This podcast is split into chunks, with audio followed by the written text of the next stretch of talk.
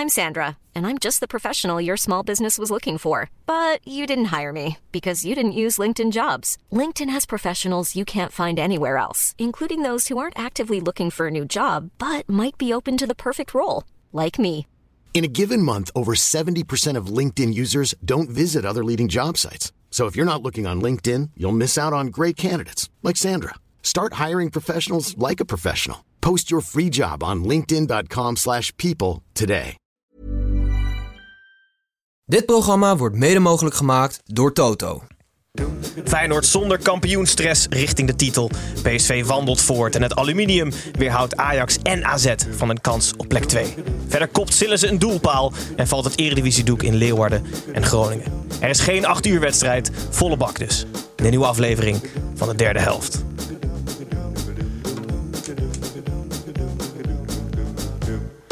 Give the, give the, give the cup. Hey, give the cup today to, the, to Ajax. Laat mijn jongens niet stikken. Nooit van mijn leven. Die waren gewoon kansloos, die lieve schatten. Ik heb wel wat scheldwoorden en eh, je moeder is je zus en dat soort dingen al wel gehoord. En dat kan ook een verschil maken in een week met eh, drie wedstrijden, negen dagen.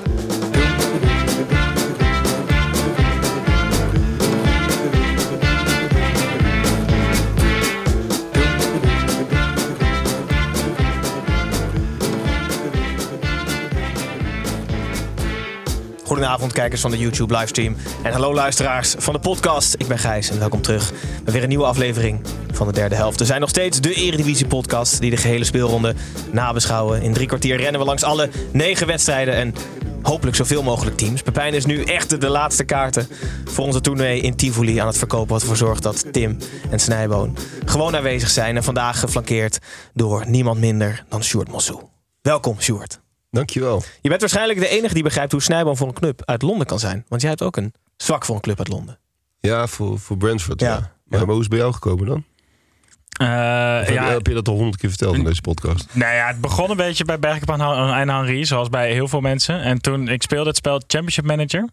Eh, en daar, was, ik- daar ging ik toen met Arsenal aan de slag. En toen wist ik opeens heel veel van die club. Omdat je dan opeens weet hoe alle, alle assistenttrainers en weet Mag ik ik het, heel even eh, inbreken? We hebben hier dus twee mensen die club zijn, of fan zijn van een club uit Londen. Eén is voor Arsenal en één voor Brentford. En dan vragen we aan diegene van Arsenal, hoe komt dat dan? Ja, ja. Ja, sorry. Dat Ja, was- ik was gewoon benieuwd. Ja. Ja. ja, ik ook. Nou ja, ik heb, Of heb je dat al honderd keer verteld? in de ja, podcast? dat heb ik al honderd keer verteld in de podcast. Nee, ik, eh, ik ging in Londen wonen toen ik bij VI eh, wegging. Mijn relatie was uit en ik wilde graag in Londen wonen. Leek me leuk. En eh, toen vond ik een flatje vlakbij Brentford. En toen dacht ik, eh, ik ga hier ook voetballen. Dus toen ben ik in de krant gaan kijken. Volgens mij Was er nog iemand zocht bij. Brentford? Ja, ja, ja. Nee, toen zocht, vond ik een advertentie van een voetbalclub eh, waar je een soort van aan kon melden. En dat heb ik gedaan. En het bleek het supporterselftal van Brentford te zijn. Wat ik me op dat moment helemaal niet realiseerde. En die speelde in een park op zondagochtend. Gunnersbury Park. Waar je eigen, die, je eigen doelnetten op moest hangen met een keukentrapje. Romantische kon niet. En die jongens gingen iedere zondagochtend voetballen. Op zaterdagmiddag gingen ze naar Brentford. En toen eh, ging ik regelmatig mee. Dus zo is het een beetje gekomen. Vet. Is Was dat maar- toen League One nog, Brentford? Eh, dat was toen League One, ja. Dat heette toen anders, maar dat Ja. was derde niveau. Vet. Was Dijkhuis niet ook ooit daar kort trainen? Heel kort. Ja, geen Ja. succes hè? Daar ben ik nog geweest voor een reportage voor de krant. Oh ja? En eh, ik had het nog niet uitgetikt of, eh of hij werd ontslagen. Is het wel Hij uitgebracht? heeft nooit de krant gehaald. Wat zonde, hè? Nou, je weet kan je hem ook nog hergebruiken als hij weer die kant op gaat. En voor de mensen die je niet kennen, Sjoerd, je bent voetbaljournalist, columnist en schrijver. Eh, waarschijnlijk bij de meeste van onze kijkers en luisteraars bekend van je werk voor het AD, eh, podcast en column. Maar je, bent ook, je hebt ook boeken geschreven en een reisplatform Santos opgericht. En naast het zojuist benoemde Brentford heb je een liefde voor NAC in Nederland. Beetje samenvatting. Dat klopt. Heel goed. En hij komt helemaal uit Breda. Speciaal voor jullie. Ja, Ja. dat is een verschrikkelijke druk. Ja, voor allebei de partijen is het een hele grote druk. Ja. Eh, Tim, hoe is het met de doorbraak? Eh, nou, Gijs, gaat goed. Ehm, we hebben 4 juni nog steeds onze live show gepland. Als er nog een paar kaarten worden verkocht. En ehm, dat is in Tivoli, Sjoerd. En Cool. ehm, wij gaan... Mocht je vanuit Breda naar Utrecht willen komen, dan, eh, Is dat dichterbij? Dat is wel dichterbij. dat is Ja, dichterbij. Nou ja, prima. we zien je daar. leuk. Ik geef je vijf kaarten. en ehm, wij hebben besloten ehm, om eh, als darter op te komen. Met zo'n dartopkomst, weet je wel. En we hebben dus nu deze week hebben we allemaal een nummer gekozen. En ik ga nu even, even om de sfeer erin te brengen. één nummertje kort laten horen. En ik ga niet zeggen van wie het is. Oké. Eh, maar dan weten jullie een beetje wat jullie kunnen verwachten. Dus je moet je voorstellen. Hier, zo begint het al. Dan wordt zo aangekondigd. Weet je wel. De Sjoerd Monsoe, straight van Breda. is fan van eh, Brentford en ook van NAC. Daar is hij. Niemand minder dan Sjoerd Monsoe. Laat je horen, dames en heren. Daar is hij. Jezus. En dan kom jij nu om. Dat is goed, toch? Vind ik wel goed. Ik had zelf Ives de Taker gekozen. denk ik. Ja, dat is toch van Barneveld Ja, dat is van letterlijk? Dat is echt de Barneveld, klap. ja. Ja, dat is de Ja, ja, klap. ja. Dan heb je wel het dartnummer meteen. Dus dat is hartstikke goed. Ja. Sjoerd zit in een voetbalpodcast. Wordt vooral dat iedereen vergeten was. Uh, Snij, hoe is het met jou? Goed weekend gehad? Zeker. Ik, eh, ik heb een goed weekend gehad. Ik heb hier zin in. Ja. Eh, dus laten we lekker, lekker van start gaan. Gaan. Zoals Arsenal al- gewonnen net. Zeker, dus daar ben ik ook lekker ontspannen. Helemaal ontspannen. Ja. ja. Heel goed. We gaan beginnen met gestrekte been. Ja, het gestrekte been, Sjoerd, hebben we al kort even over gehad. Maar het gestrekte been is de stelling waarin ik jullie drie even wakker maak en op scherp zet voor de rest van de uitzending. Met vandaag het gestrekte been. Dennis van der Ree moet een standbeeld krijgen. Even kort eens of oneens, Sjoerd. Oneens. Tim, Eens. Stijnboon. Ja, nee, wel oneens. We beginnen bij jou, Sjoerd. Ehm, Hij moet nu gaan vertellen waarom, Dennis van der Ree waarom geen krijgen. Ja. Ja, ik ben, ik ben eh, heel erg voor standbeelden. Ja. Eh, maar ik, ik vind eigenlijk dat, dat je pas een standbeeld verdient als je bent eh, overleden. Oké. Als Dat voetbalheld. duurt denk ik niet lang. Ja. Ik had Nee, veel Dennis van argumenten verwacht, Ree- maar deze niet. Dennis van der Ree is nog, nog springleven. Nee, ik, ik heb ook altijd dat, dat span- die standbeelden bij Twente zo gek gevonden. Voor, eh, En Koevo? En Bosker. Ja. Ja. Voor, voor mijn gevoel zet je een standbeeld neer voor, neer voor een manager die 30 jaar eh, trainer is geweest. En vervolgens eh, komt te overlijden. En als eerbetoon zet je dan een standbeeld neer. Ik vind standbeelden voor levende mensen ergens een beetje creepy. En Tim, waarom moet hij dan wel een standbeeld krijgen? Nou, omdat ehm, hij heeft deze klus op zich genomen. Dus je moet wel zo'n verschrikkelijk hart voor de club hebben als jij wil instappen een half jaar geleden bij FC Groningen. En hij heeft niet eens een hart voor de club. Want hij was anderhalf jaar geleden videoanalist bij Feyenoord. En hij heeft nu gewoon ervoor gekozen om zijn trainerscarrière te starten in gewoon En te eindigen. en gewoon in de hel. Ja, echt. En er gebeurt, het gebeurt bijna nooit dat er maanden, soort van maandenlang niks gebeurt waarvan je, waarvan je als supporter aan kan vasthouden. Een lichtpuntje. Dit was gewoon een tunnel van zes maanden. En Dennis van der Rey ligt er nog steeds in. Ja. Ja, dus ik vind om hem te eren. Gewoon ja, om hem te bedanken. Want iedereen had hier zijn carrière kapot kunnen maken. En hij heeft voordat hij überhaupt begonnen was, heeft hij hem al kapot gemaakt. Hij zei ook na de wedstrijd, zeiden, ja, het ging al niet heel goed. En toen in januari zouden er allemaal spelers komen. Die kwamen niet. Eh, dus toen dacht ik, ja, dit, kan niet, eh, dit, dit gaat niet heel makkelijk worden. Ja, dit, echt geen kans. En voor de mensen die het nog niet wisten, Groningen is vandaag officieel Ja. gedegradeerd. Zullen zo bij de wedstrijd van Groningen uitkomen. Maar we gaan, zoals elke Maar aflevering... is dit denk je per se slecht nieuws voor Groningen? Nee, zeker niet. Ko- Komen we daar nog op terug? Ja, daar komen we wel op terug. maar ik was toch al een beetje benieuwd. Ja, ik vind degraderen sowieso eh, overschat. Dat, wordt erger gemaakt dan het is. Oh ja? Hmm. Ja, vind ik wel. Maar financieel gezien is het natuurlijk wel een klap. Maar ik kan me wel voorstellen dat je supportersleven wel echt een stuk leuker wordt. Maar is het zo'n strop als dat het in Engeland is, degraderen? Nou, het is financieel wel, wel een strop. Zeker als je niet in één keer terugkomt. Dat zie je nu aan NAC, Roda, Willem II, dat soort clubs. Dan wordt het best wel moeilijk. Maar op, op zichzelf is degraderen... Dat, als je gewoon is heel best simpel... Nou ja, vrijdagavond vind ik best leuk. Ja, ja. Eerlijk gezegd. Ik vind het echt een ideale voetbalavond. Maar los daarvan... ehm, het is een hele simpele rekensom. Je hebt in Nederland ongeveer 20 clubs. Die zijn heel erg gelijkwaardig. Dus zeg maar vanaf plek 6 tot en met eh middenmoot eerste divisie... heb je van de Graafschap tot en met eh, Sparta zeg maar ongeveer. Dat, dat scheelt elkaar natuurlijk niet zoveel. Qua begroting, qua achterban. Dat is ongeveer vergelijkbaar. Dus als je dan tien jaar speelt met z'n allen... En dan, kun- en dan gaan er ieder jaar twee uit. Ja, dan is het nogal wiedes dat je er ooit een keer uitdondert. Ja. Ja. Ja. En clubs zijn dan altijd totaal verbaasd. En doen net alsof het het grootste drama in de wereld is. En, en dat vind ik dus wel meevallen. Heel goed. Toch nog positief nieuws vandaag voor Groningen. Ehm, zoals altijd gaan we de ranglijst langs. en We beginnen bij de koploper. De koploper is Feyenoord. Feyenoord speelde uit bij Excelsior. Na het resultaat van PSV, waar we zo op komen... kon de uitspelende thuisploeg Feyenoord zonder kampioenstress aantreden tegen Excelsior. Het spel van Feyenoord was bij vlagen zoals de bal op het droge kunstgras rolde. Namelijk moeizaam en stroperig. En twee bevliegingen van Jiménez waren wel meer dan genoeg voor weer een overwinning. En dus weer een stap naar de titel 0-2. Eh, Tim, records rijgt hij aan de ene, Jiménez. Ja, ik vind het hartstikke knap. Echt wel een interessante en leuke spits. Maar ik wil heel graag van deze gelegenheid gebruik maken om ESPN te kapitelen om hun eh, totaal idiote statistieken, waar ze heel vaak mee eh, op de proppen komen. Het begon met ehm, toen hij scoorde. Jiménez is de eerste spits Of hij, heeft een hij deelt nu een record met dat hij acht uitwedstrijden op rij heeft gescoord. Dan denk ik van dat vind ik al best ver gezocht. Maar daar kon ik nog mee leven. En dat, daar kon ik me ook niet echt over opwinden. En toen zag ik het, eh, eh, kwamen ze met de volgende statistiek. Is dat eh Jiménez van alle Mexicaanse spitsen. Die in, in hun debuutseizoen in Europa heeft hij nu het meeste doelpunten gemaakt. En op nummer twee is Chicharito bij Manchester United. en dan hadden ze gewoon een lijst van vijf Mexicanen. En denk ik van ja, dit is aan de ene kant geniaal, aan de andere kant totale onzin. Ja. Maar hartstikke leuke spits voor Feyenoord. En met een beetje geluk gaat hij gewoon 35 miljoen opleveren. Ja, als hij volgend seizoen blijft in de Champions League. Zich laat geld over volgend seizoen gesproken, Tim. Uh, Saruki. Um, Sjoerd, ik wil eigenlijk aan jou vragen. Is het een goede zet nu je naar Feyenoord gaat? Of krijg je Ayoub-vibes van deze transfer? Ayoub-vibes, ja. Nee, Saruki uh, denk ik wel dat het een goede speler is. Um, ik vind wel... Um, er werd op een gegeven moment, zeker in de winterstop, werd dat, werd dat zo groot gemaakt, ook door Feyenoord zelf, dat het een beetje merkwaardig werd. Dat, dat, dat je dacht van, ja, maar er zaten wel meer voetballers in de wereld dan Zerouki. En, en, nu hebben ze hem gelukkig binnengehaald, zijn we eindelijk van het uh, gezeik af. maar ik vond het een heel merkwaardige uh, uh, show. Ja, maar ik denk dat, dat dat dus wel is omdat Slot op een hele andere manier naar voetballers kijkt. Dus die heeft natuurlijk een paar van die hele dure data-accounts. En die heeft hij dan allemaal samengevoegd. En daar kwam dan één gouden speler uit. Dus dan, dat is dan Zerouki. Ja, kijk, wat ik geniaal vind, hij is de opvolger van Kukcu.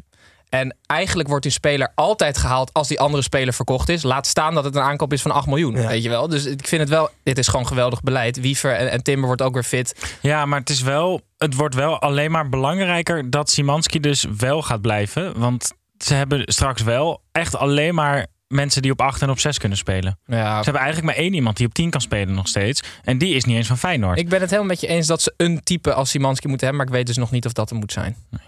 Feyenoord won door twee bevliegingen van Jiménez. Tim, even naar Dijkhuis en Excelsior. Ja, Dijkhuis was heel boos aan het... Had je dat gezien, dat interview? Ja, met... over het afscheid van Wiever. Ja, ja, ja ze wilden dus... Um, uh, Excelsior wilde dus afscheid nemen van Wiever in de, tijdens deze wedstrijd. Maar Feyenoord stond dat niet toe. En dat noemde Dijkhuis een misplaatste arrogantie.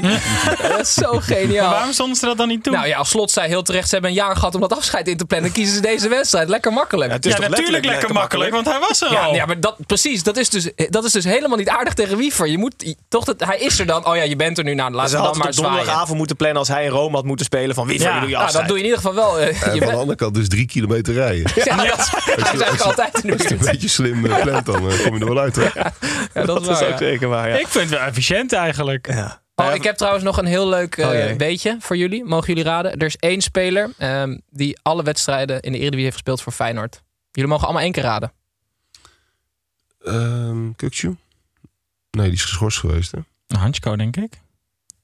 Nee. Geert Ruiden? Nee, je mag één keer raden, oh, sorry. of deed jij voor Gijs ook, dat kan. Jongens, het is Danilo. Ah. Elke wedstrijd gespeeld. En ik was heel zenuwachtig vandaag, want hij kwam pas in minuut 88 in.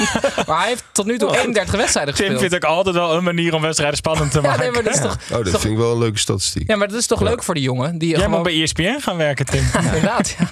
Nee, maar ja, gewoon bij Ajax gewoon echt wel een hele... Ja, niet, gewoon niet echt een succesvolle periode gehad. Ik zat dus wel vandaag te denken aan Danilo. En dat hij... Want voor de buitenwacht leek het in de eerste seizoenshelft heel erg... Wordt het Danilo of Jiménez? Maar waarschijnlijk wist Danilo al heel lang dat het Jiménez ging worden. Dus die heeft op een heel andere manier heeft hij die eerste seizoenshelft beleefd. Want die dacht alleen maar, ja, wanneer ga ik gepasseerd worden? Ja. ja. Want nu ziet iedereen toch wel, nu we Jiménez wat meer aan het werk hebben gezien, zien we ook wel dat hij gewoon echt een, een één of twee klassen beter ja. is. Ja, maar Danilo speelde omdat hij zo lekker druk zette. Ja. Maar dat, als je nou op hem ging letten, dan, dan was dat was mij nooit opgevallen bij Ajax. Jou wel? Dat hij zo lekker druk zette. Maar bij, bij Feyenoord, hij, hij liep zich echt het snot voor de ogen iedere keer. Als hij erin stond. En hij maakte nooit een goal. Maar, nee, hij was eigenlijk kapot als hij de bal kreeg. Ja, hij heeft er nu acht gemaakt, dus ik moet hem wel even verdedigen. Maar dat is waar. Kijk, Slot heeft natuurlijk een paar van die soldaten. Daarom, dat was ook de reden dat, dat Jahangbars, ondanks dat hij verschrikkelijk in vorm was in het begin van dit seizoen, altijd bleef spelen. Omdat hij gewoon achter zijn man aanliep. En Pashao dat niet deed. Nee. Het is wel, zulke trainers zijn wel echt de doodsteek van echt hele... De Riquelme voetballers. Ja, ja, want die, dat kan gewoon niet meer in nee. zulke teams. Nee. Ik heb al vier keer proberen af te sluiten, maar nu ga ik echt afsluiten. Tim, heb jij nog iets? Feyenoord won bij Excelsior. Zet de volgende stap naar de titel. En Excelsior blijft staan op plek 16. Gaan we door naar de nummer 2. De nummer 2 is nog steeds PSV. En PSV speelde uit bij Sparta. De stroopet van Stijn had Feyenoord een groot plezier kunnen doen... door niet te winnen van de gelukspet van Van Nistelrooy. Na een redelijk gelijk opgaande strijd trok PSV voor de vijfde keer op rij aan het langste eind in de Eredivisie. De 0-1 was niet alleen genoeg voor drie punten... maar ook hoogstwaarschijnlijk de voorronde Champions League. Door de uitslag van Ajax AZ. Dus ook kijken. Snijboon, je zei dat je lang hebt nagedacht over de toekomst van ons aller Ruud van Nistelrooy. Ja, ik ben een paar weken terug best wel eh, eh, kritisch geweest op Van Nistelrooy. En ehm, ik had daar wel een beetje last van ook achteraf. Want ik was wel echt heel boos op hem. Ik vind eigenlijk, je ziet niet echt de hand van Van Nistelrooy in, in tactisch oogpunt. Maar nu ging ik nadenken en toen dacht ik... Het komt wel, de transfer van Xavi Simons naar PSV komt wel mede door gesprekken die hij met Van Nistelrooy heeft gehad en het plan wat voor voor hem werd gemaakt. En ik denk dat er veel meer spelers in de toekomst zullen zijn die om die reden naar PSV gaan. Dus hij moet het gewoon op de Ferguson manier oplossen. Hij moet gewoon net als een Klopp of een Arteta of als Guardiola gewoon een hele zieke veldtrainer aanstellen. En zelf gewoon echt manager worden. hè. Ferguson, die heeft volgens mij de laatste acht jaar dat hij bij United werkte, heeft hij geen trainingsveld meer gezien. Die zat op zijn kantoor en die keek af en toe of het allemaal goed ging. En dat werd allemaal geregeld. Misschien moet Van Nistelrooy dat gewoon, daar moet iemand voor aanstellen. Want qua naam en qua, qua wat hij uitstraalt, is het denk ik precies de kant die PSV op wil. Ja, Alleen tactisch is niemand echt gewoon- nog over Ik maak me gewoon echt hele grote zorgen over eh, dat Van Nistelrooy en Heitinga nu trainer zijn van PSV en Ajax. Gebaseerd letterlijk op een naam, vind ik echt heel eng. Ja, Van Nistelrooy wel ietsje minder, vind ik. Die heeft zich wel heel zorgvuldig... Ja, dat kun je trouwens van Heitinga ook zeggen. Die heeft ook lang bij jonge Ajax Ja, maar ook, gezeten. hij- ze hebben best wel het soort van de geleidelijke route gekozen. Maar dit is niks. Het is alsnog niks. Nee, maar ik, ik acht Van Nistelrooy toch wel to- tot, tot deze rol wel redelijk in staat. Maar hij heeft Fred Rutte al, hè? Ja. Die is daar eigenlijk voor. Dat is, dat is de veldtrainer die dat moet doen. Ja, dat is waar, ja. En die combinatie, da- daar was natuurlijk van tevoren al over nagedacht. Die was wel... eh, op papier klopte die. Ja, maar ik wil, ik vind Fred Rutte. Ik, ik wil een veel te jonge gast met een oortje en een, en een iPad. Pepijn. Leijnders, Ja, ja, ja, maar niet specifiek Pepijn Leinders, want die vind ik heel eng. Maar wel een type Pepijn Leinders wil ik graag. Ja, maar kijk, ik, ik, ben, ja, ik ben helemaal niet echt fan van Van Nistelrooy als trainer. Maar onderaan de streep, eh Johan Cruijffschaal zegt niks. Oké, beker winnen. eh, Champions League voetbal gaat hij, of in ieder geval volgende Champions League halen. Terwijl die Gakpo en Madueke verkocht heeft voor 80 miljoen. Dat is gewoon echt een uitstekend seizoen. En het heeft heel lang geduurd. Ik ben het wel, met je eens. Het heeft heel lang geduurd, maar je, ziet nu toch wel dat het elftal wel stabiel is geworden. Uiteindelijk. Het heeft Ja. veel te lang geduurd. Ik denk vier maanden te lang.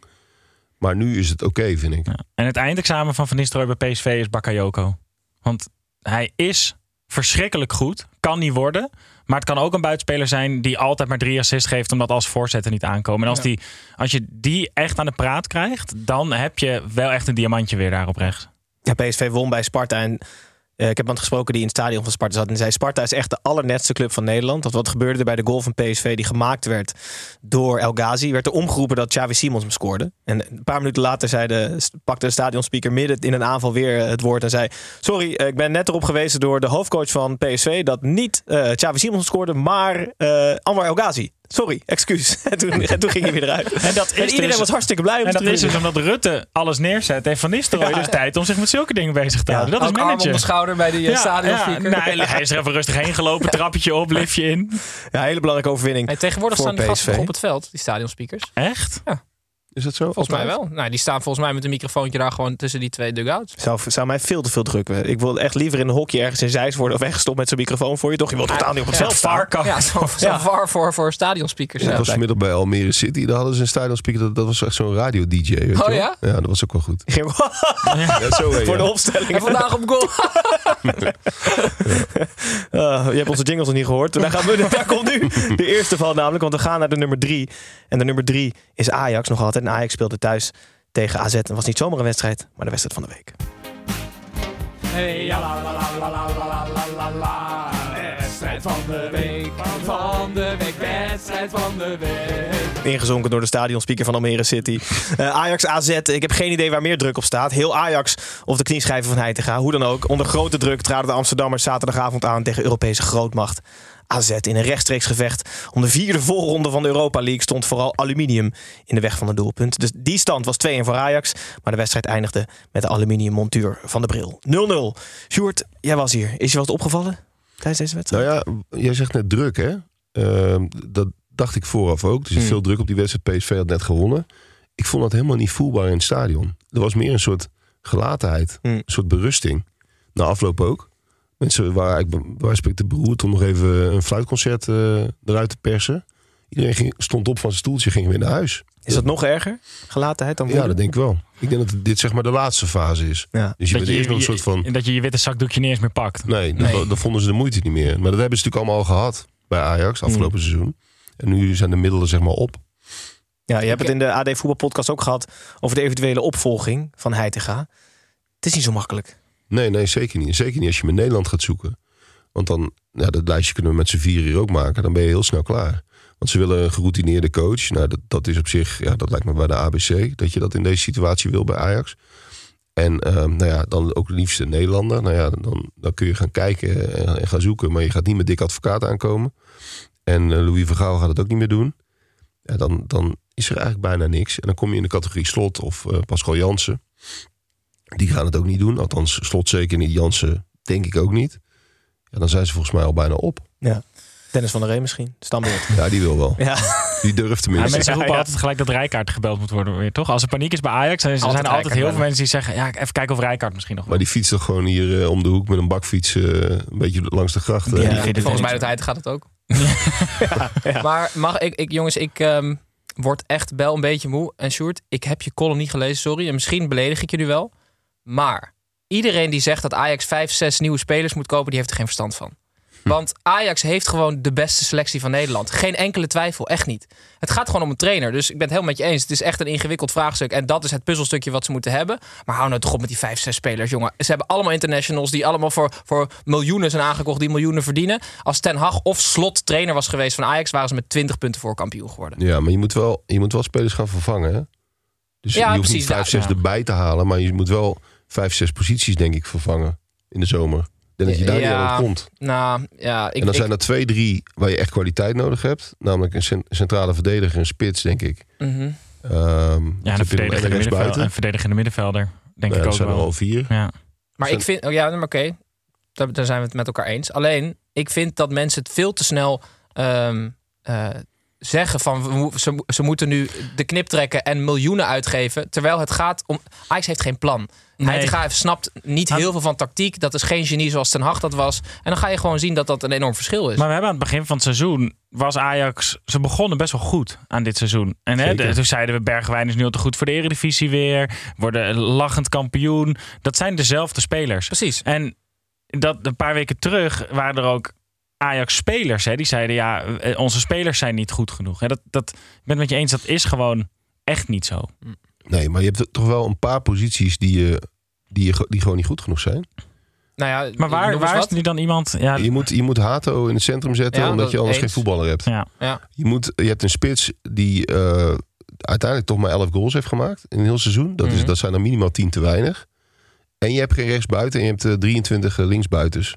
ja. Ja, Ja, je moet maar wel ja. iets doen nog. Nou ja, het is wel, je hebt wel gewoon een paar verkeerde mensen gekocht. Hè? Dus dat zijn wel Zeker. internationals. Dat zijn hele dure jongens. Ja, maar, uiteindelijk... Wijndal, Wijndal ga je niet Nee, maar nu wegdoen. En Wijn- Bessie ga je ook niet nu wegdoen. Want het kan zomaar zijn dat die volgend jaar 20% beter zijn. En dan ben je er gewoon. Nou, ik denk uiteindelijk dat de, de meeste Ajaxiden het nu prima zouden vinden als Sanchez en Bessie voor gewoon de deur weer ja, uitlopen. dat zijn de meeste Ajaxiden en die hebben er geen verstand van.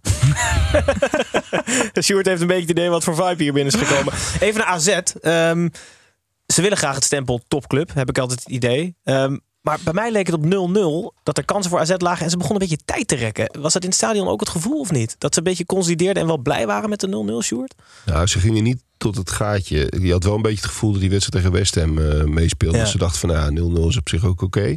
Ze gingen niet eh, eh, ten koste van alles voor die, voor die Europa League plek. Vond Het, ik. ze, ze hadden ook nog, ze kunnen ook nog tweede worden als ze hadden gewonnen. Ja, maar het, het was een beetje vrijblijvend. Maar ik vind AZ wel vaker vrijblijvend. Mm. Het, het voetbalt goed. En, en toch denk je van, ja, gebeurt er nog wat? Ja. Gek genoeg. Maar heb jij dan, want ik zat daar ook heel erg aan te denken van, moet AZ dan... Want je moet best wel veel risico nemen om van een elftal wat zo speelt als AZ, een goed elftal, maar niet met echte winnaars. Je moet best wel waarschijnlijk ook financieel risico nemen om die volgende stap te zetten. En dat risico betaalt zich in Nederland eigenlijk nooit uit voor een club die niet traditioneel top 3 is.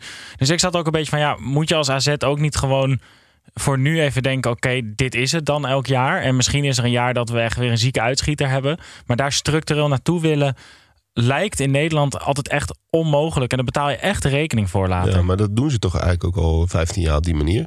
En dan hopen ze dat er van die drie seizoenen, dat er één seizoen bij zit dat ze, dat ze top zijn.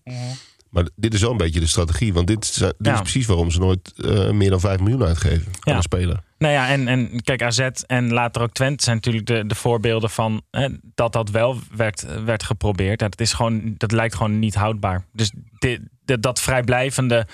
Ja, ze moeten een keer hopen op een, op een samenstelling van de selectie waar die echte winnaarsmentaliteit dan gewoon per ongeluk in zit. En dat het dan wel een keer lukt.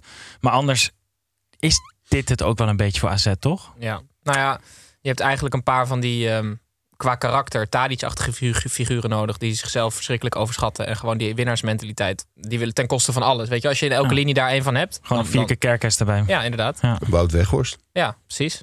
Nou ja, en ze gaan- ze- United gaat hem niet verlengen. Hè? Ik, Ja, Nee, hij terug ik zou- Burnley. ik zou het wel weten. Ga terug naar Burnley. Uh, Snijboon, je, je, ik- je wilde er nooit over hebben, maar het moet toch even 154 supporters gearresteerd. De slechte kant van AZ en van voetbalsupporters werd weer even duidelijk wegens antisemitische geluiden, begreep ik. Ja, in de metro eh, dacht ik dat het was. Die werden gewaarschuwd door politieagenten die in de metro waren en door de, door de omroepers. En dat bleef maar doorgaan. Dus die zijn allemaal. eh, Ze hebben gewoon, spoor, aangehouden. gewoon spoorverleg naar het politiebureau. Ja, ja, dus die, die zijn daar afgezet. En eh, ja, dat, ik vind het heel goed wel dat er niet wordt. bij AZ passen. Nee, ik ook niet. Nee, ik vind het wel heel goed dat er wordt, eh, dat er wordt ingegrepen. Of willen die 154 is wel echt ook weer bij een de top 3 statement. horen, weet je wel? Ja, dat ze zich gaan kunnen. gedragen als de idioten van Ajax, Feyenoord en PSV. Dat is echt goed. Ja, dat zou kunnen. Ja. Goeie nee, stap. maar ja, goed. Zeker in, eh, in, in, in deze week, hè, de week van, van, eh, van 4 mei. Ja. eh, altijd goed dat er wordt ingegrepen. Het is wel een heel lastig te handhaven. Ja, omdat clubs dit, dit 30 jaar op hun beloop hebben gelaten. Ja. En, en, en Ajax ook. Allebei Ja. een punt waar ze niet zoveel mee opschieten. Ehm, Ajax twee punten voor op AZ en inmiddels vijf punten achter op nummer twee. PSV nog drie speelronden te gaan. En voordat we naar de re- rest van de wedstrijden gaan, even naar buitenspel. Edwin, Kevin hier, buitenspel. Ik hoor je nu voor half, nog eens. Oké, Edwin. Edwin, buitenspel. En buitenspel neemt iedereen aan tafel iets van buiten de lijnen mee. Sjoerd in het begin altijd even met Tim met zijn hieroglyphen schrift naast zich. Oh, beginnen we bij mij. Wat Ja. fijn.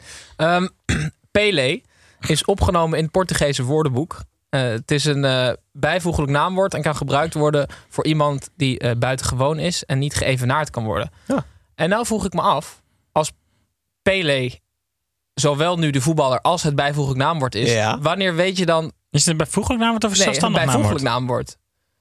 Het is een bijvoeglijk naamwoord. Want je bent dan een Pele-tandarts of zo. ja, ben je je dan. bent een Pele-tandarts of een Pele-voetballer. Maar wanneer weet je dan dat... Stel, wij gebruiken Van Basten daarvoor als bijvoeglijk naamwoord. Ja, Dus ik heb een Van Basten tandarts. ja, ja. maar hoe weet je dan dat, dat je niet Marco van Basten bedoelt? Dan? Oh, dat het niet... Oh, zo de je. verwarring tussen de mens en het bijvoeglijk naamwoord, Ja. dat is dan niet duidelijk. Ja. Maar kan het ook vervoegd worden? Of, eh, Nou ja, dat, dat, ik heb dat Portugese woordenboek niet gezien. Ja, dus als je zegt, ik heb een Pele eh, keukenmachine. Dat iedereen denkt dat je een keukenmachine hebt in de vorm van Pele. Precies. Ja. Ja, ja, maar het kan ook een hele goede keukenmachine zijn. maar jij bedoelt, kan het ook... Ja, het, is, het, het zou, de betekenis is denk ik, maar dat, ik heb het niet eh, helemaal eh, tot in detail, is eigenlijk pe Tim- Tim ook Peliaans eigenlijk. Je zegt Peliaans, eigenlijk ja, ja, dat is een ja. Peliaanse Ja, koelkast. ja. Ja, en dan is het wel duidelijk. Ja, Ja. precies. Ja, zo bedoel je. Duidelijk. Dus ik denk dat het op die manier ongeveer Nou, laten we het op die manier dan ook Ja. vervoegen. Oké. In, in het Portugees. Ja. Wat heb jij meegenomen? Ja, ik heb iets eh, wat mij echt al twee of drie weken nu ehm, ongelooflijk fascineert op, op social media. Het heeft helemaal niks met voetbal te maken, maar ik wil het toch met jullie delen. Er is namelijk een man die heet Russ Cook. Op, op Twitter en op Instagram kan je hem vinden onder zijn handle Hardest Geezer. Ehm, en die is momenteel bezig om hardlopend van het zuidelijkste naar het noordelijkste puntje van Afrika te lopen. En hij heeft ook al een keer van Azië naar Londen gelopen. Toen liep hij 71 marathons in 66 dagen door 11 landen. Nee. Hij loopt serieus dus ongeveer 56 kilometer per dag. Ruim 350 kilometer per week. Hij moet 14.000 kilometer afleggen. En het is echt... Elke dag zie ik die updates en echt, ik val echt van de ene verbazing in de Oh, andere. vet. en dan halverwege, na 30 kilometer, vindt hij ergens een supermarkt. En dan zit hij ergens een broodje te eten. En dan loopt hij gewoon nog weer 20 kilometer door over die, eh, over die zandweggetjes daar. Het is, het is echt bizar. En Maar je, je hardloopschoenen kunnen toch maar 100 kilometer mee? En dan heeft hij heel veel schoenen bij zich. 100 kilometer. Nee, duizend. Oh, duizend. Ja, dat zeggen ze met je trainingsschoenen, ja. Maar hij... ehm, 100 kilometer. eh, hij had in de eerste week had hij dus 380 kilometer gelopen. En toen had ik dus uitgerekend, als hij dat elke dag zou doen... dan moest hij nog vanaf dat moment nog 14 weken aan één stuk door dat tempo volhouden. En hij loopt nu dus helemaal in het zuiden, eh, dus Namibië. Maar hij, hij gaat dus helemaal naar Tunesië. Maar hij gaat dus ook echt gewoon dwars door de Sahara Ja. of zo. Ja, hebben ze geen supermarkt. Nee, dus als je ooit jezelf lui voelt, dan moet je heel even Hardest Geezer opzoeken. Want die heeft waarschijnlijk op dat moment zit hij ergens halverwege de 50 kilometer hardlopen. Dat is wel de eerste keer in vijf jaar dat, het- dat het niks met voetbal te maken Nee, heeft. maar hè? het, het fascineert me echt Ja, elke ja, dag. maar ik ben niet helemaal, nee, ik ben ik herinner blij. me een, een nieuwe vriendin van Raymond van Barneveld die jou had meegenomen. Nee, maar die heeft, ja, nee, die het had over de hond van met- Gordon gehad al een Ja, keer. die heette Toto. Dat was onze sponsor. nou ja, goed. Sjoerd, heb jij nog de, opgevallen van buiten? Nou ja, ik, ik wou Napoli even inbrengen. Ja, eh, ja, zeker. Het, het kampioensfeest in Napels, waar natuurlijk heel veel gekke dingen te zien waren. Met, met vuurwerk en eh, supporters die shirts van spelers gingen afpakken en dat soort dingen. Ik vond het tofste die boot. Hebben jullie die gezien? Nee. Die boot. De- je hebt allerlei eh, supportersbeelden van Na- in, eh, in Napels gehad. En mensen dansen op straat en zo. En dan zag je op een gegeven moment zag je gewoon... Hadden ze een, een passagiersschip. Ik overdrijf niet. Ik denk dat dat ding 20 meter lang was.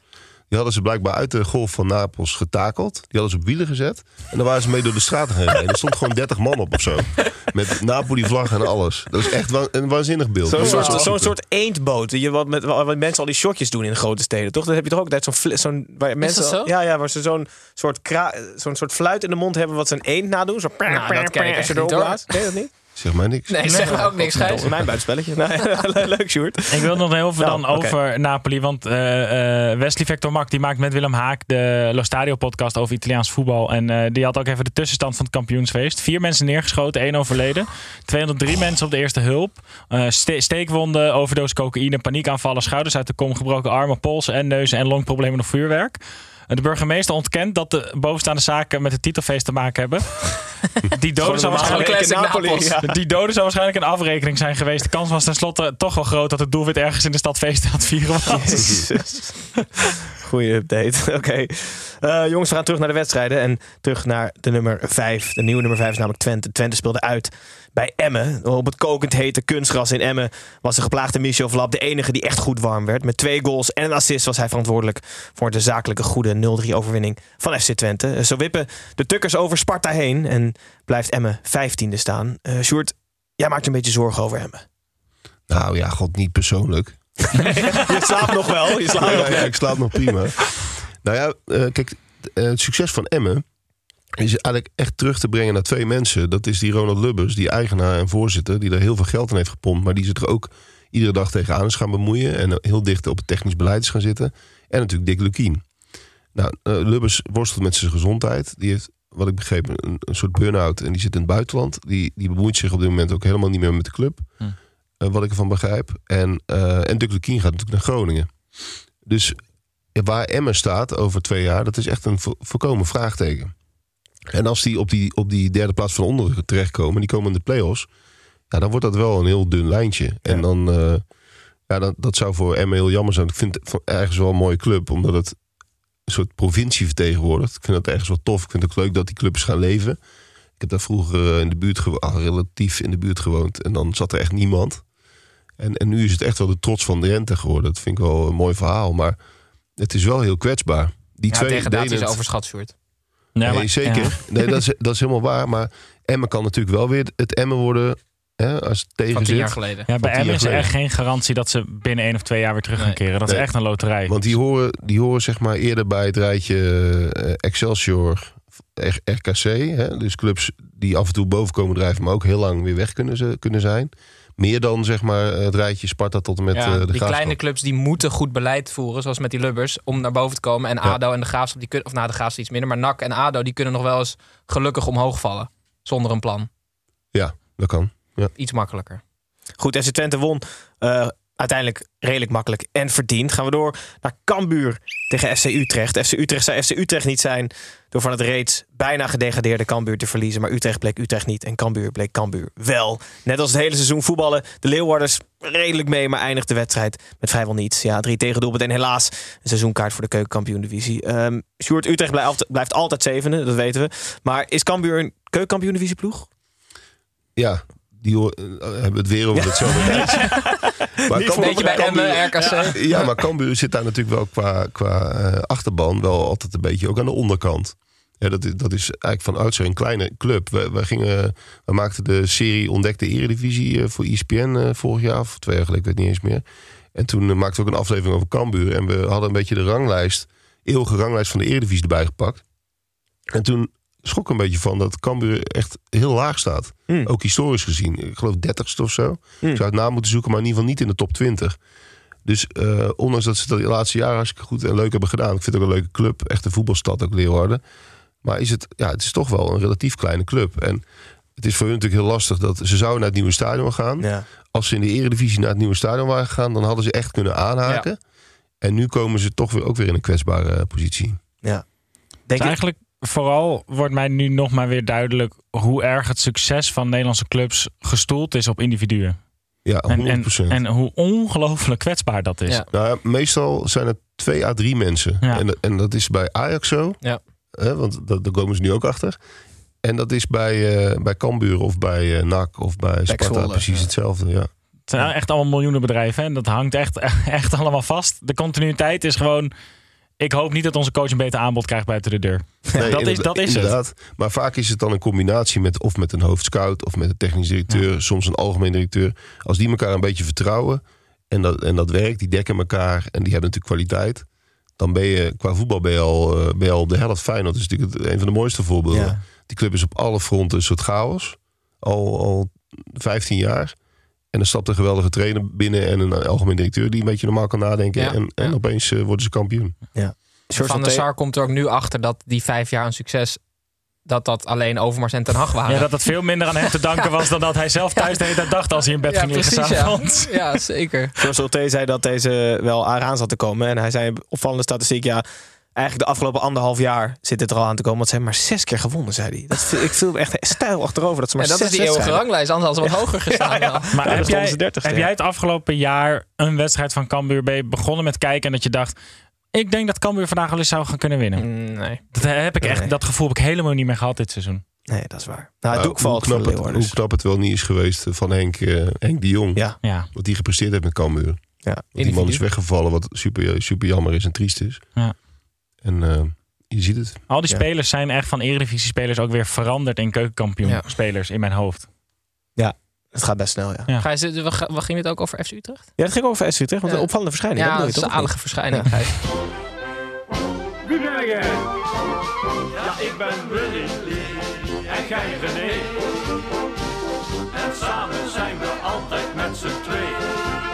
Eh, deze jingle luidt altijd onze lookalike eh in. Sjoerd, misschien heb je die ooit voorbij zien komen op Instagram of social media. Het zou kunnen, maar we hebben vandaag uitstekend We hebben echt weer een wereld lookalike. Ja. En het is, eh, daar komt hij. Kijk, dit is ongelooflijk, want dit is eh, Bas Dost.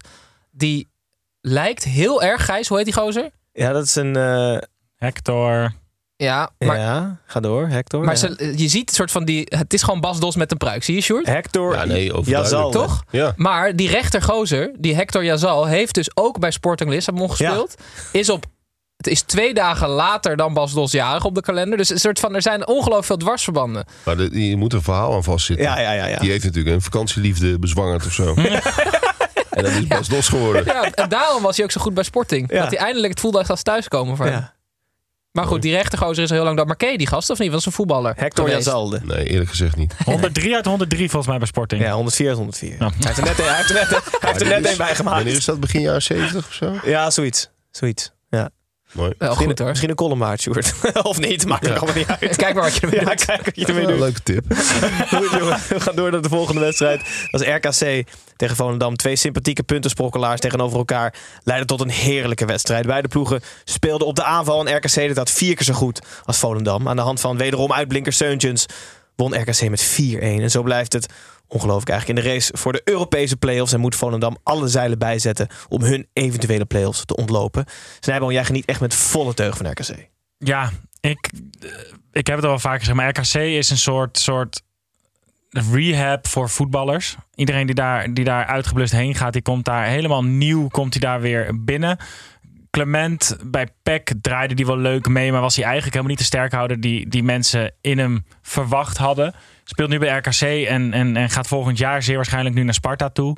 Uh, Seuntjes, eh, goede clubs hebben hem, hebben hem weer in het vizier. Dus ik zit dan heel erg na te denken van oké, wie moet daar dan, wie moet er dan nu naar RKC? Wie gun ik RKC eigenlijk om, om er weer bovenop te komen?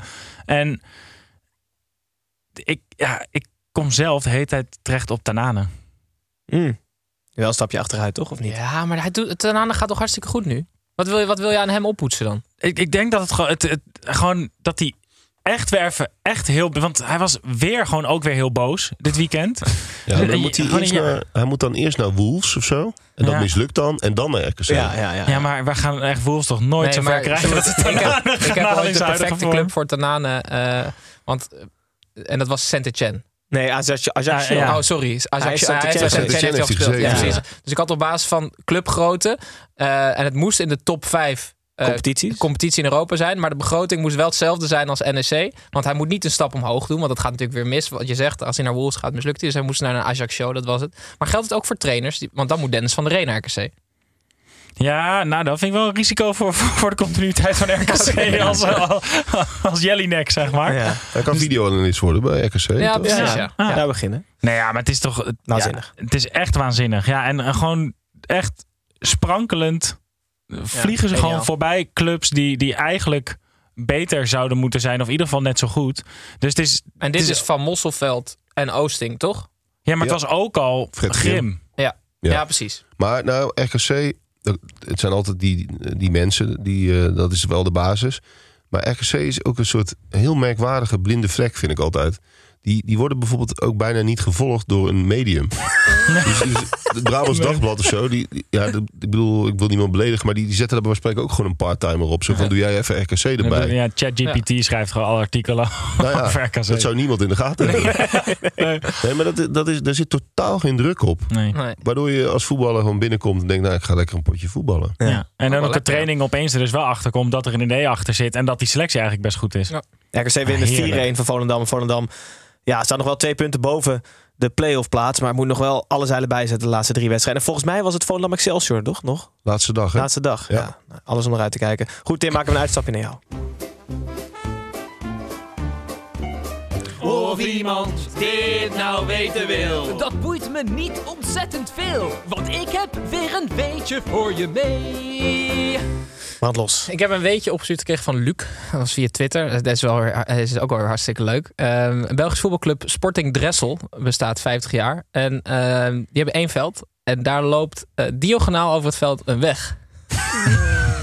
Mooi. En die club bestaat al 50 jaar. Een bestuurslid zegt, ja, het is een officiële weg, dus verkeer heeft voorrang. Ehm, maar ze hebben dan wel nog afgesproken dat, eh, dat zo, zolang de bal in het spel is, dat die auto dan even moet wachten. Of die, of die tractor, of die Ja, ja, ja. mountainbiker, of whatever. Dus bij een doodspel bent en dan ga- gaan daarna gewoon gaan ze midden over het veld gewoon. Maar Wat welke vet. voetbalschoenen moet je dan aan? Ja. Is het asfalt? Goeie vraag. Nee, met avond niet. Nee, volgens mij een beetje, hoe noem je het ook alweer? Ja, precies, dirt. Ja, Ja, ja, oké. Vet. Schitterend. Hebben jullie laatst die, die scooter op dat veld gezien? Ja, Ja, ja, zeker, ja, ja, ja. zeker. Omdat die paarden op hol waren geslagen. Was dat, bij, het was dat bij vuurwerk, die club? Dat hij dat het gewoon verkeer was? ja. Even wachten tot de bal uit het veld Die man was er ook zo. Oh, wat vet zeg. Nee, ik zal wel even een fotootje online zetten van Ja, het veld. vet. Dat is wel echt geniaal. Super. Wilden we niet weten, maar uitstekend. Ja. Gaan we door naar de laatste drie wedstrijden van het weekend. En om te beginnen bij NEC tegen Heerenveen. Na 85 minuten vol waanzinnige kansen stond het maar 2-2. Het recordgelijke speler voor NEC leek dichterbij te komen. Totdat Sillis een bal naast dacht te laten gaan. Die keurig via de binnenkant van de paal binnenviel. De doelman gaf diezelfde paal daarna een ongelooflijk harde kopstoot. Maar die verroerde zich niet. Door de 2-3 overwinning komt Heerenveen gelijk met plek, plek 8. En haakt NEC eventjes af voor de play-offs. Snijboon, heb je medelijden met Sillissen? Nou, ik, eh, ik heb erover nagedacht. En, en, en we hebben dit seizoen serieus volgens mij al een paar keer aangeboden. Maar we moeten toch echt met, met onze vrienden van Bamigo, de sponsor, ervoor zorgen dat Sillissen even zo'n pakketje met van die onderbroeken krijgt. Want hij mist gewoon flexibiliteit. Hij beweegt die hoek niet in. Hij ziet het allemaal niet meer goed. Je ziet gewoon, die heeft oude katoenen onderbroek aan. Die moet gewoon overstappen op dat bamboe Of geen van Bamigo. Stretch heeft hij nu helemaal niks aan. Ja, dat zou. Dan zou ik ook zenuwachtig zijn om mijn benen te ver uit elkaar te doen tijdens de wedstrijd. Maar dus hij moet dat gewoon doen. Alle kijkers en luisteraars kunnen dat ook doen. Die kunnen op Bamigo onderbroeken, polo's. En Boekhoorn die kan toch prima eh, van die bamboe artikelen Nou, korting en, krijgen. En nu dus al helemaal. Want met de teruggekeerde kortingscode Snijboom 25 krijg je 25% korting op je eerste bestelling. Heel vet. Ja. Ben jij van de losse onderbroeken of van die strakke? Strakke. Ja? ja? ik heb vroeger wel van die katoenen gehad. Maar hadden jullie dan ook dat je gullepilden geopend staan bij die? Bij die onderbroeken of Ja. bij... Of dat Nee, je... bij die onderbroeken, die katoenen. Die, hebben zo'n kno- die hadden één zo'n knoopje. Ja. Die hele oude wedstrijd. Oh, ik dacht dat die gulp van je Oh, broek dat hij daarmee opende. Nee, nee, van, van die onderbroek. En daar werd je dan na het, aan het eind van de dag op gewezen. Nee, ja, maar ik heb heel lang eh, inderdaad die onderbroeken die jij dan nu hebt, die, die strakke. Ja. Ik heb Eh. dit ook hoor, strak. Maar ik heb, ik heb dan ook een soort van die wat lossere. Ja, ja. Dat is ook interessant. Dus je raadt hem aan. Dit gaat nergens heen. Nee, Nee. ik wilde wel serieus nog over Sillissen. Want je gunt hem dat er een soort rondje op het veld is waar je op kan gaan staan. Wat dan gewoon heel even naar onderen verdwijnt. Ja. En dat daar gewoon even iets nieuws overheen komt. Dat je heel even twee minuten gewoon echt even onder de grond kan verdwijnen. Want dit is, ja, dit is zo kut als Ja. keeper. Ehm, hij, was, hij was ook absurd verdrietig. ja, Eh, althans, daar bedoel ik mee. Hij liet het ook heel erg merken. ja. Oh, ik, ik ben zelf keeper en ik heb vroeger al geleerd... als je een fout maakt...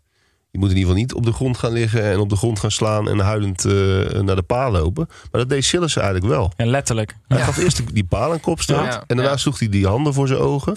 Je maakt jezelf heel zwak op zo'n moment eigenlijk. Mm. Maar het is natuurlijk de- eh, nog geen eh, maand geleden volgens mij hebben we ditzelfde gesprek over Sillis gehad toen hij een, ketsen maakte in de, in de derby. Ehm, toen nou, bood hij zijn excuses aan aan alle fans van NEC. Maar ja, zeg maar.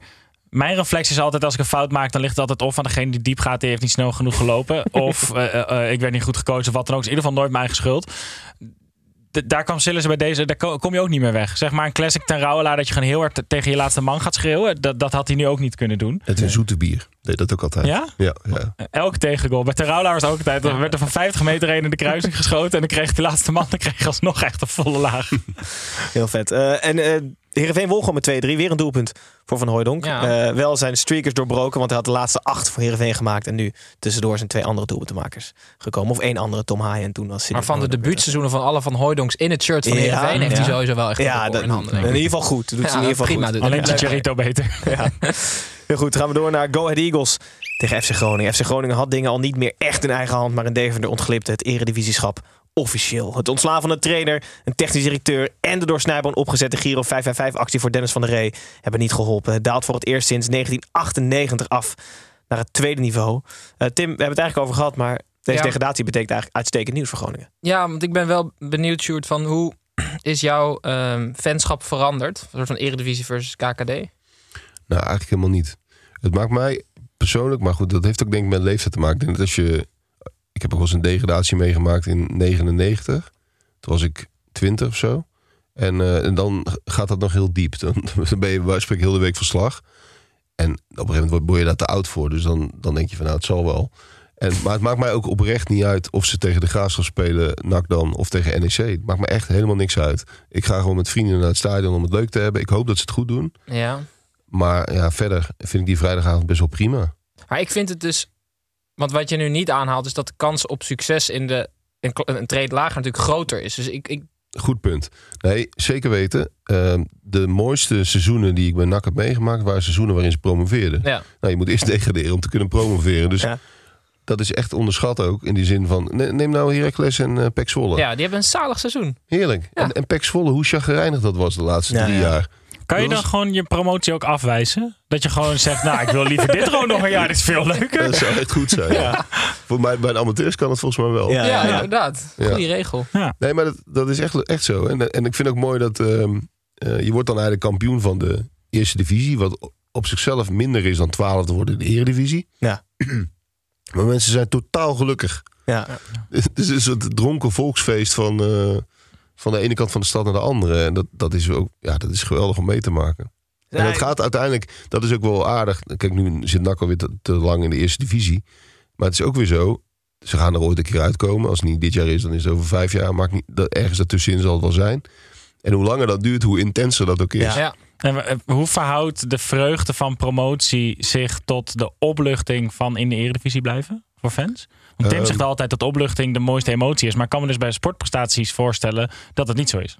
Nou, eh, het ligt een beetje aan hoe je, er, hoe je erin blijft. Want NAC is ook bijvoorbeeld heel lang... eh, werden ze altijd twaalfde ongeveer. En daar was echt geen reet aan.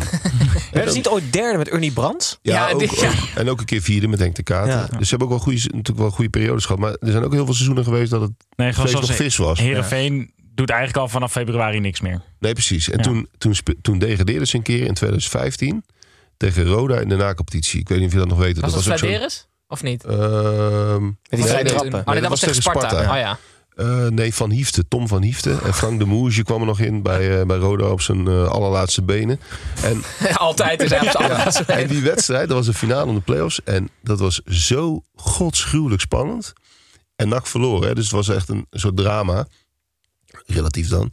En, ehm, maar die spanning van die wedstrijd, dat, dat, dat bezorgt mij nog steeds warme gevoelens. Omdat het, die spanning, dat kun je niet uitleggen aan een supporter van Ajax. Zou maar zeggen. Dat is meeslepend spannend. Echt mensen die huilen van de spanning. Maar gewoon niet omdat, niet omdat het dan misgaat, maar gewoon, het is gewoon onverdraaglijk. Die- Zo'n verlenging. Dat is niet te doen. En daarom heb ik, ondanks dat het, een, dat het helemaal misging, is dat nog een van de mooiste wedstrijden waar ik bij ben geweest. Dus ik heb echt helemaal zin voor dit volgende aankomst Wij moeten gewoon dit stukje video uitknippen, Groningen taggen en niks aan de hand. Gewoon naar Dennis van der Ree sturen. Ja. Niks aan de hand. Op VHS. En dan gaan we door naar de laatste wedstrijd. Dus Fortuna Sittard tegen Vitesse. Eh, zo mysterieus als Yilmaz kwam, zo lijkt hij ook weer te gaan. Eh, Zonder Yilmaz als talisman won Fortuna met 2-0. En is het nu over de magische grens van 34 punten. Terwijl Vitesse nog met bovengemiddelde achterom, achterom, achterom moet blijven kijken. Bovengemiddelde angst. Tim, over Yilmaz. Ja, ik, ik had het al tegen jullie voor de uitzending gezegd, dus het is voor jullie geen verrassing. Dus eh, reageer maar spontaan. Maar ik denk dat ze Oh! met. nee, straks. straks. Ik denk dat ze met Gladon. eh, dat, hij dat, dat hij net zoveel doelpunt had gemaakt als Yilmaz. En dat had ze heel veel gezeik geschild. Ook wel Geld. veel. Ja, ook veel geld scheelt. Maar kijk, het is natuurlijk ook wel spectaculair voor die club en voor de volgers op social media. Maar ik vraag me echt af, wat is het waard? Die gozer die nu een paar pingels erin heeft geschoten en dan bondscoach, assistent bondscoach van Turkije wordt, terwijl die een achtjarig contract bij Fortuna had getekend. Ja, daar, daar klopt natuurlijk helemaal niks van. Nee. Dus ik ben voor Gladon. Oké. Dat Dat is is wel- prima zo. Ik vind het helemaal prima. Ja, Fortuna Sittard wint met 2-0 van Vitesse. Vitesse wordt nog wel spannend Ja, trouwens. 31 punten. eh, en de nacompetitie is 28 punten. Nou, maar als het aan Philippe Cocu ligt, dan verliezen ze elke wedstrijd. Want die reageerde alsof hij de Champions League had gewonnen. Alles was fantastisch. Hij kon zijn ploeg niks verwijten. Ik, ik, ik heb echt eh, 2-0 verloren van, van Fortuna. Probeerde de moed erin te houden. Ja, nou ja, dan kan hij ook beter een veldtrainer voor aannemen dan. Ja, jongens, dat was het. Negen potjes, buitenspelletje, weet je van Tim. Ehm speelronde 31 zit er alweer op. Eh, we zijn woensdag, eh, zoals de vaste kijkers en luisteraars inmiddels weten, terug met een persconferentie met Sjoerd. Die komt dan Ehm, uit Breda weer. Ja, ja, en dan komt hij 4 juni vanuit Breda nog naar Tivoli. Dat is heel leuk, met, met 28 vrienden. Ja, maar jullie, jullie doen net alsof Breda aan de andere kant van de wereld is. Valt wel mee hoor. Nee, Hoe lang is rijden dan? Uurtje. Oh, dan komt hij echt. nee, Hoezo de- weten jullie niet? het centrum. Pepijn woont daar ook. Hoe kun Ja, maar ik ga nooit met de auto naar Breda. Maar je vraagt hier. dus ook nooit aan Pepijn hoe lang die onderweg is of wat dan ook. Nee. Nee, dat is waar. Maastricht is verder. Ja, heel goed. Eh, superleuk dat je er was, uh, Sjoerd. En ehm, Vond ik ook. tot woensdag weer. Eh, Tim en Snijboon, dankjewel. Ja, graag Eh, gedaan. En jij? En 4 juni, hè? Tivoli. Zeker. Nou, volgende week eh, komen we met het tweede dartnummer. Oké. En dan gebruik ik ook weer jou als aankondiging. Is dat goed, Sjoerd? Helemaal goed. Daar zal de gast van volgende week blij mee zijn, want dat is Freek Jansen. Dus dan kunnen we als je als bent er zelf Oh, helemaal ben er niet. Nou, ik stuur het wel in dan. Ja, doe dat.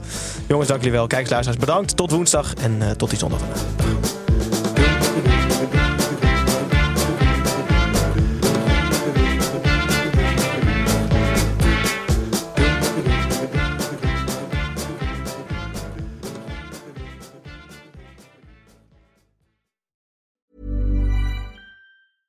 Als je toch de tijd neemt om een podcast te luisteren, dan kan het maar beter je favoriete podcast zijn. En elke maandag in je favoriete podcast-app. Snapt iemand nu dat de podcast ook echt je favoriete podcast heet... en dat het gemaakt wordt door Stefan de Vries, Julia Heetman en Sean Demmers? Waarom praat je over jezelf in de derde persoon? Waarom, waarom, er staat hier Sean Demmers en Julia Heetman. Waarom moet jij nou weer voor mij? Dat ging per ongeluk, Sjan. Ja, dat ging per ongeluk. Ja, jezus. Steve, jij moet nog nee zeggen. Oh, nee. Je